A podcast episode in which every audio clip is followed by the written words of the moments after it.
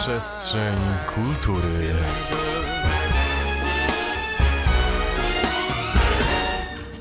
Hej wszystkim, witam Was w dzisiejszej przestrzeni kultury. Realizuje mnie Adam Loch, a za mikrofonem właśnie ja, Zuzanna Turkiewicz. E, dzisiaj powiemy Wam trochę o halloweenowych filmach, o rodzinie Adamsów i filmach Tima Burton, ale zanim o tym mamy wyjątkowych gości z Teatru Muzycznego, e, czyli rzeczniczkę prasową tego teatru Sonię Kobylańską-Jóźwik. Dzień dobry, cześć. Dzień dobry, cześć. I solistkę zespołu Urszulę Laudańską, znaną również jako Bella. Cześć Ulu. Dzień dobry, cześć, witam Państwa.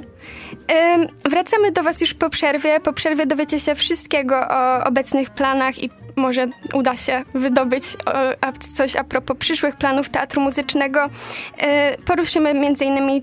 temat musicalu Pięknej i Bestii i, i sukcesu tego musicalu. E, więcej po przerwie. Witam Was z powrotem.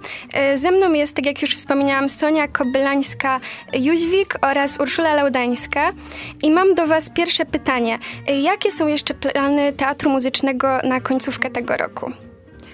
U nas zawsze bardzo dużo się dzieje. E, dopiero co za nami, e, w zasadzie przed chwilą, premiera deszczowej piosenki i festiwal Czas na Teatr, e, a teraz już przygotowujemy się do kolejnych wyzwań.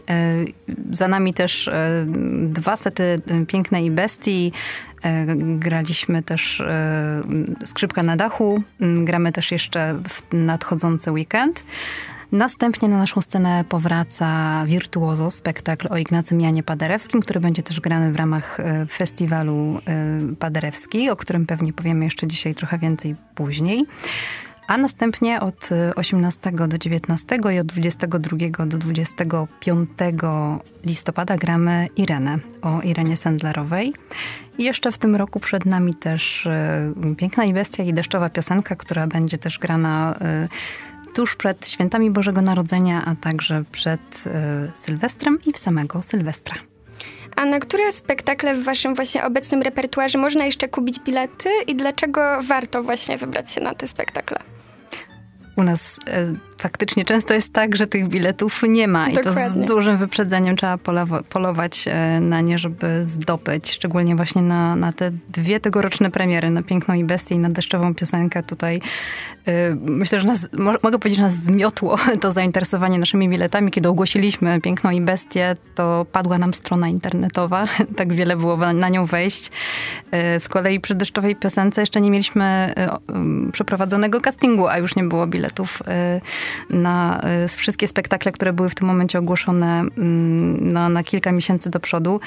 Także faktycznie y, często jest ten problem. W tej chwili można zdobyć y, bilety na Irenę, którą gramy w listopadzie.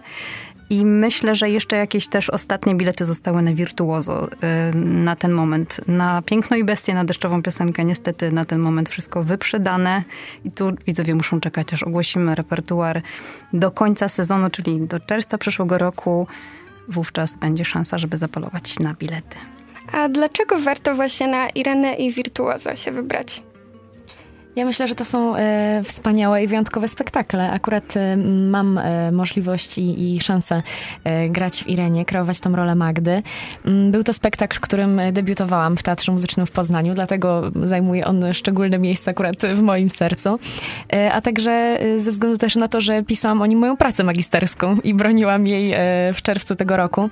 Także jest to spektakl absolutnie wyjątkowy. Myślę, że głównie ze względu na mm, scenografię, ale także libretto, które, które jest bardzo poruszające poruszające. Mm, I myślę, że jest to spektakl, który każdy powinien zobaczyć. Ja jeszcze dodam, że y, muzykę do Ireny skomponował laureat y, Grammy Włodek Pawlik. Y, poza tym reżyserem tego spektaklu był Brian Kite, który specjalnie tutaj na potrzeby tego spektaklu przyjechał do nas z Kalifornii i we wspaniały sposób poprowadził zespół. I mm, myślę, że też to jego spojrzenie takie z oceanu na, na historię Ireny Sandlerowej, kobiety, która ratowała dzieci dzieci z warszawskiego getta razem z siatką swoich e, łączniczek, współpracowników, wyprowadzała je i ratowała im życie. E, to, to spojrzenie z, jakby z takiej trochę z oddali pozwala tą trudną e, historię prze, przedstawić w taki sposób, który mm, dociera głęboko do serca i, i porusza emocje także mam wrażenie, że mimo, że to jest trudny temat, przez tą formę mm, takiego dramatu muzycznego mm, udało nam się z, nim dotrzeć też do, do zupełnie nowy, nowych odbiorców, którzy być może tą, tą historię znali tylko tak e, po wierzchu z kart e, podręczników do historii. Po muzyczce postaram się wypytać o znaną wszystkim i lubianą Piękną i Bestię. Hej, z powrotem. Teraz chciałabym poruszyć e, mus temat musicalu Pięknej i Bestii. To jest musical, który wywołał niemałą furorę w reżyserii Jan, Jerzego Jana Połońskiego. E, I mam to szczęście dzisiaj, że jest ze mną Ula, która gra właśnie Piękną, Bellę. E, chciałabym cię spytać, czy ta rola była też dla ciebie wyzwaniem, bo to jest duża rola. masz tam bardzo dużo synchronicznego tańczenia ze śpiewaniem, wszystkiego tak naprawdę. Bardzo wymagająca rola i e, przedstawienie też nie jest krótkie, więc jak ty to odbierasz, tą przygodę z Bellą? Zdecydowanie to było dla mnie e, ogromne wyzwanie. Myślę, zostałam rzucona trochę na głęboką wodę, ale już w sumie nie pierwszy raz, dlatego, dlatego potraktowałam to jako takie swoje e, wyzwanie zawodowe. Pamiętam, że zaczęłam od przygotowywania utworów wokalnych, bo, bo ta warstwa wokalna jest tutaj bardzo pięknie rozpisana, ale też w niełatwy sposób. Alan Menken się postarał, żeby, żeby te melodie były naprawdę wyjątkowe i, i miłe dla ucha, ale też jednocześnie trudne do zaśpiewania. Dlatego pamiętam, że przygotowywałam się wokalnie od samego początku, a na tym etapie prób już musiałam odnaleźć w sobie tę postać. Myślę, że, że to było dla mnie najtrudniejsze, mm, żeby znaleźć tą e, upartość Belli, a jednocześnie jej uprzejmość, mm, tą wrodzoną elegancję, którą zawsze w sobie miała mm, i pokazanie tej postaci, tak jak, tak jak ją reżyser i tak jak czuję ją ja. Także musieliśmy połączyć tutaj nasze wizje e, i myślę, że nam się to w jakiś sposób udało. Pięknej Bestia zbiera e, wspaniałe recenzje, ale też e, wiele nagród w plebiscytach muzykalowych w Polsce. Także jesteśmy z tego, myślę, jako cały zespół bardzo dumni i, i szczęśliwi, zadowoleni, a ja nie mogę znaleźć słów, które opisują moją radość, która wynika z tego, że mogę być częścią takiego przedsięwzięcia mm, i to, i to na takim etapie mojego pobytu tutaj i pracy w Teatrze Muzycznym, bo to, to była moja druga premiera. Także bardzo się cieszę, że po prostu mogę brać w tym udział i, i cieszyć widzów od tych najmłodszych po tych najstarszych, bo wiadomo, Disney jak to Disney, dla młodszych, starszych, w każdym wieku. Mm, także zapraszamy, jeśli tylko uda się Państwu dorwać bilety, to myślę, że będzie to jeden z najpiękniejszych wieczorów w Państwa życiu. No właśnie, ostrzegam, bo ja też sama próbowałam kupić bilety te na pierwszą premierę i wtedy mi się nie udało. Dopiero za drugim razem, jak ogłosiliście kolejne odsłony, dopiero wtedy udało mi się zdobyć ten bilet i właśnie miałam okazję całkiem niedawno zobaczyć Ule w roli Belli. E, także bardzo polecam. Jakie emocje wam towarzyszą po tak pomyślnym odbiorze tego musicalu? Bo wszyscy o tym mówią i, i po prostu no, jest to musical ewidentnie z sukcesem. Bardzo nam jest miło z tego powodu też, ale jest to też duże wyzwanie, bo, bo widzowie już ze względu na sam disneyowski tytuł myślę, że przychodzą do teatru z y, pewnymi oczekiwaniami, co, co rodzi w nas pewne wyzwania również. Mm, także jest w nas wielka radość, że ten tytuł został tak dobrze odebrany, ale widzowie, którzy przychodzą pierwszy raz, na pewno również chcą się czuć zaskoczeni i, i zaopiekowani i zobaczyć przepiękne widowisko. Dlatego nie odpuszczamy i każdy spektakl staram się grać na 100%, mimo że czasami jest to 12 12, 13, 14 spektakl z rzędu, no to staramy się y, wkładać po prostu całe swoje emocje, serce i, i wszystko, co mamy najpiękniejszego, żeby, żeby to mm, widowisko było przyjemne w odbiorze. Myślę, że też bardzo cieszymy się z tego, że y, ten tytuł, który jest naprawdę znany na całym świecie i trudno znaleźć kogokolwiek, kto nie kojarzy tej historii. I jeszcze nie kojarzy jej w tej, w tej wersji właśnie disneyowskiej i mm, zmieścić tak wielki tytuł na naszej małej scenie, która jest trudna, która nie daje nam takich możliwości, y, na jakie stać ten zespół, y, to było wyzwanie. I tak naprawdę do końca nie byliśmy y, pewni jeszcze przed premierą, czy ten spektakl w tej naszej wersji, z naszą scenografią, z naszymi kostiumami, w naszych wykonaniach będzie się tak podobał, jak na to ten tytuł zasługuje. Okazało się, że, że ten zachwyt po prostu nas przerasta. Wszyscy są naprawdę zachwyceni tym tytułem i to, o czym mówiła Ula, no jest jest to doceniane też w przeróżnych plebiscytach. Piękna i bestia zbiera nagrody i zbiera głosy zachwyconych widzów. to jeszcze nie koniec pytań o Piękną i Bestię. Wracamy do Was za chwilę, a potem poruszę temat drugiego festiwalu paderewskiego, nowej siedziby, czy też Sylwestra, czy może nawet ścieżki kariery Uli. To z powrotem my, ze mną jest Ula Laudańska i Sonia Kobylańska-Jóźwik. Zanim przejdziemy dalej, e, dokończymy temat musicalu, jakim jest Piękna i Bestia. E, ten spektakl jest od początku do końca zrobiony z rozmachem, też pod takim względem e, scenograficznym. Kostiumy i rekwizyty i, i efekty specjalne są naprawdę zdumiewające. Ula prezentuje się w pięknych sukienkach, one też na mnie zrobiły bardzo duże wrażenie i generalnie wszystkie kostiumy po prostu po prostu robią wrażenie. E, jak udało się stworzyć ten spektakl od właśnie tej strony scenograficznej w tak, e, z tak dużym rozmachem i w tak piękny sposób?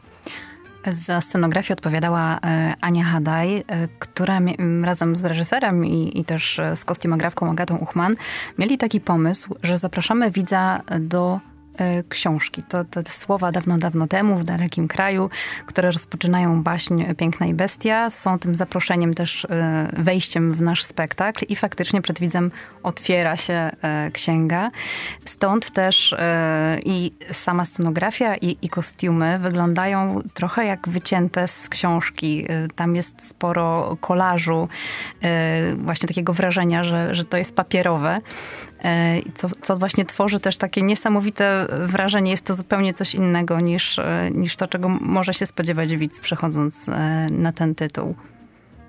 Tak, jest to, jest to też właśnie tak jak e, mówi Sonia, bardzo piękny pomysł, bo mm, nasz teatr ze względu na warunki, jakie mamy, nie jest wielkim, ogromnym teatrem, jak na przykład Teatr Muzyczny w Gdyni czy w Łodzi, e, ale u nas to wszystko w Pięknej Bestii jest takie, można powiedzieć, umowne. I przez to piękne, bo minimalistyczne i widz musi też sobie dużo rzeczy sam wyobrazić, e, uświadomić.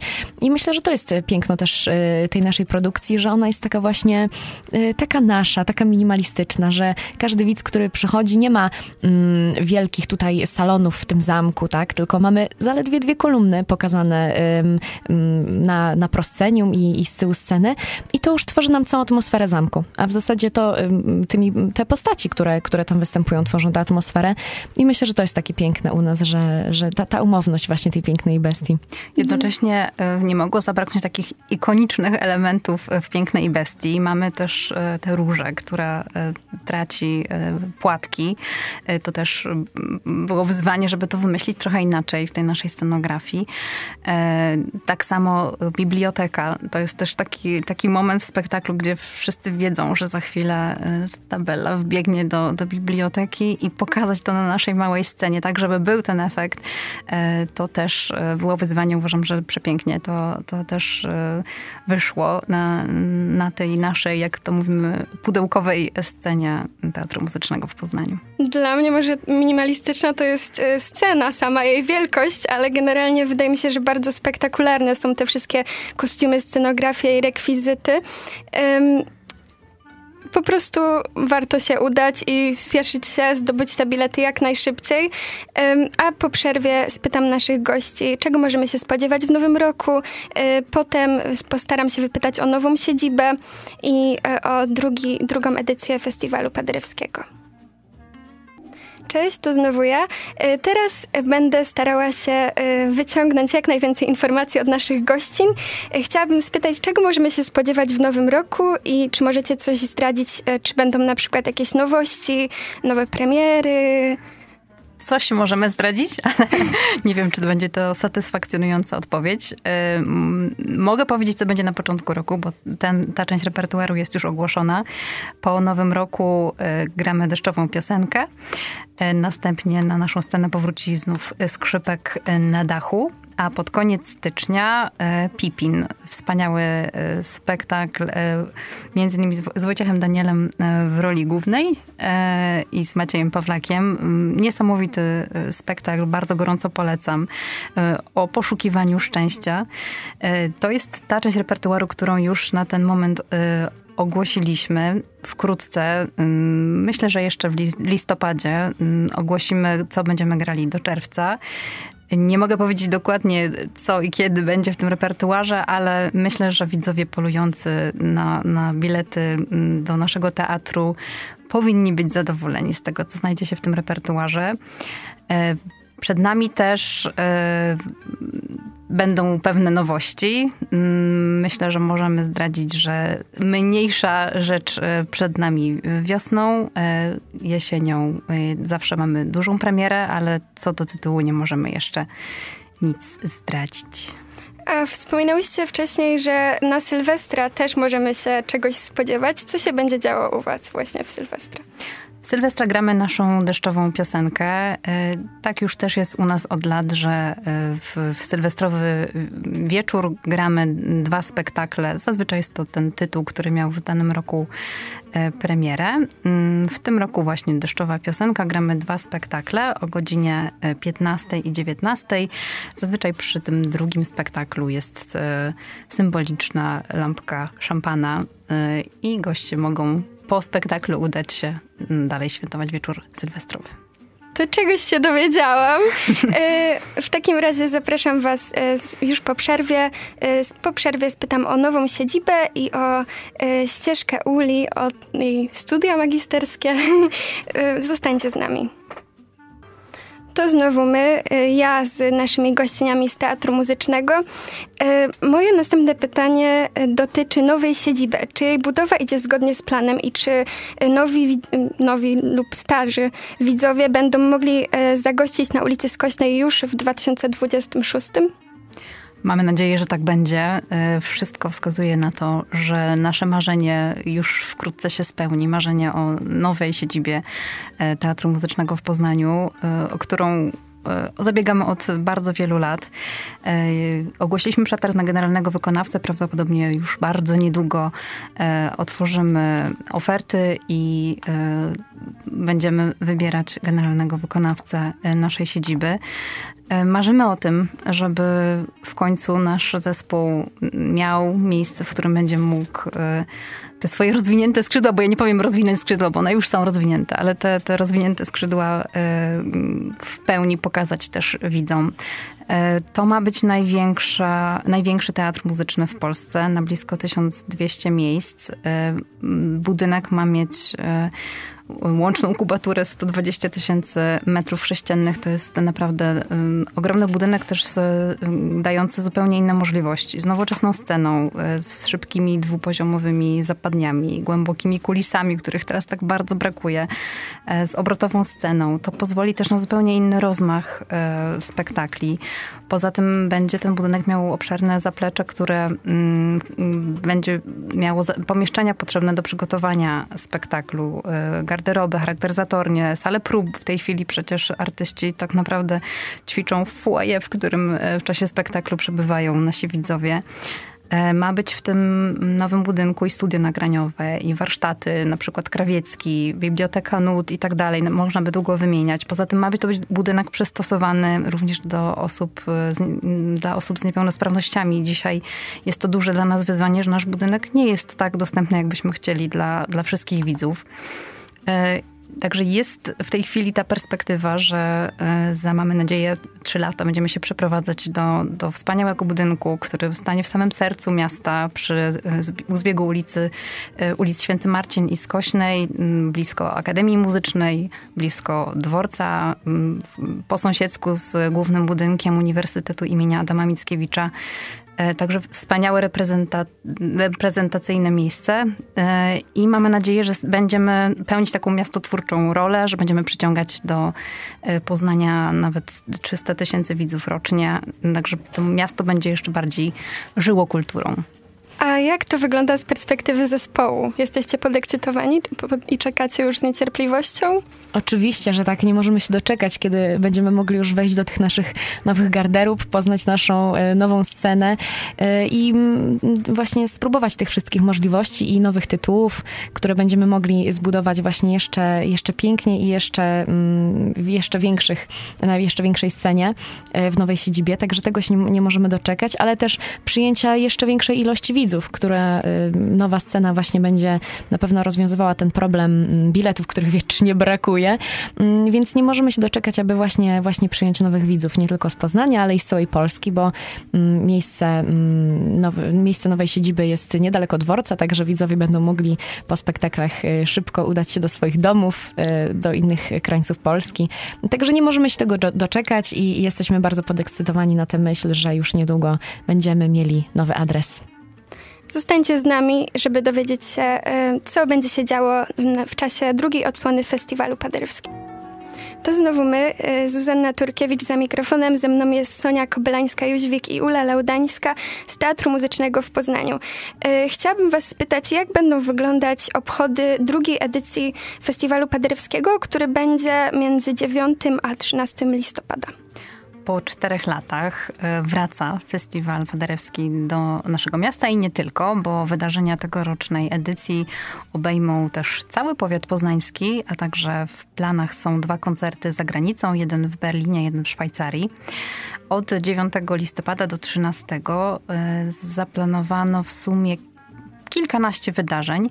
Głównym organizatorem mm, tego festiwalu jest e, Stowarzyszenie Wielkopolan Bona Fide. Teatr Muzyczny w Poznaniu jest e, partnerem, e, a całość odbywa się pod patronatem starosty poznańskiego. Stąd też odwiedzamy takie miejsca jak Pałac Jankowice, Dwór w Skrzynkach, Gminny Ośrodek Kultury w Komornikach, Rokietnica czy Zamek w Kurniku. E, przez tych pięć dni mm, to będą wydarzenia właśnie, mm, które ogniskują się wokół postaci Ignacego Jana Paderewskiego, które mają tę postać e, przybliżać, e, naszego genialnego dyplomatę i, i wspaniałego mm, pianistę, kompozytora.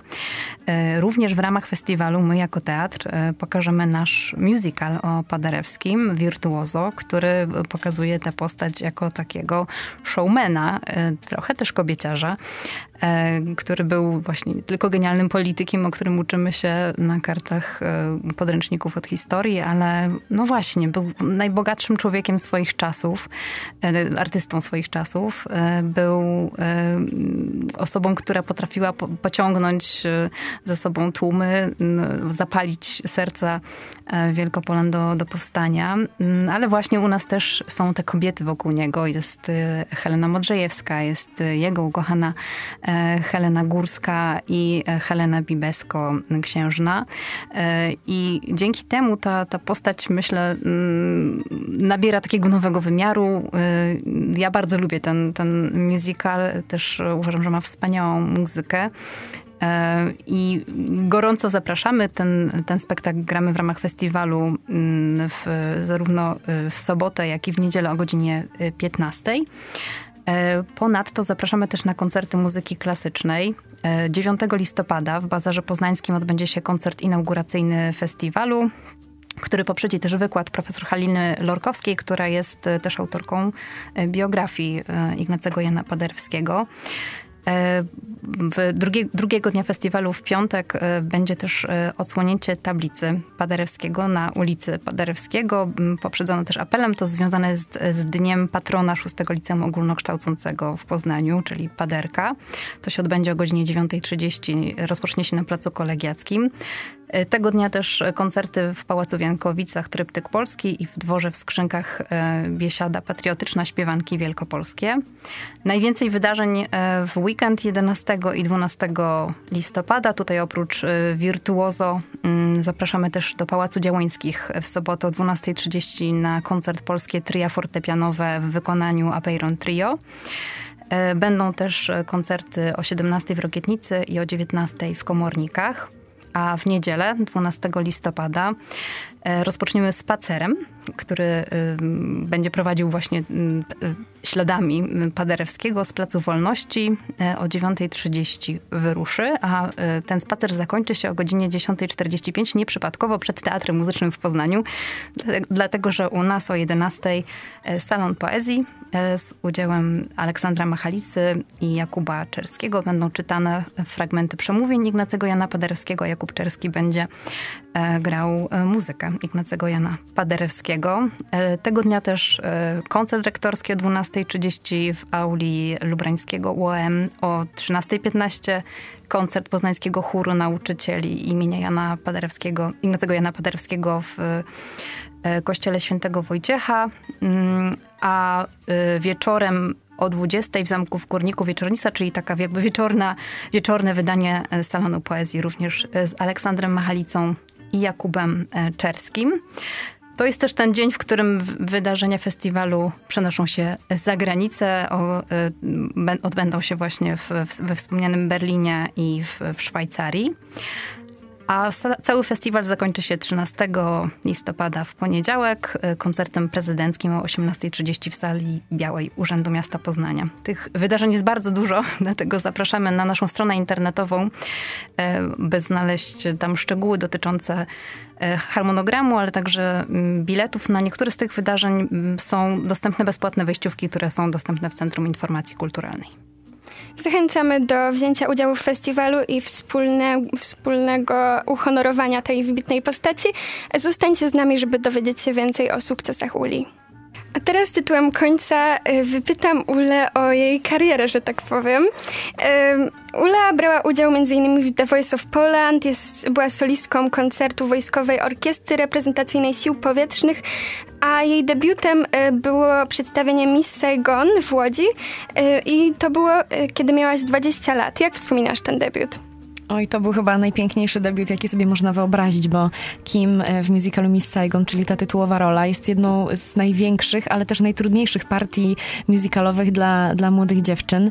Mm, mówią, że jest to trochę rola dla debiutantki, dla kogoś, kto jeszcze nie jest do końca obyty ze sceną mm, i jest taki naturalny też w tym wszystkim, że mm, więcej daje od siebie niż gra. I rzeczywiście tak mi podpowiedziano, żebym tak do tego zadania podeszła. Było to bardzo trudne. Te moje pierwsze spektakle myślę, że nie należały do najwybitniejszych.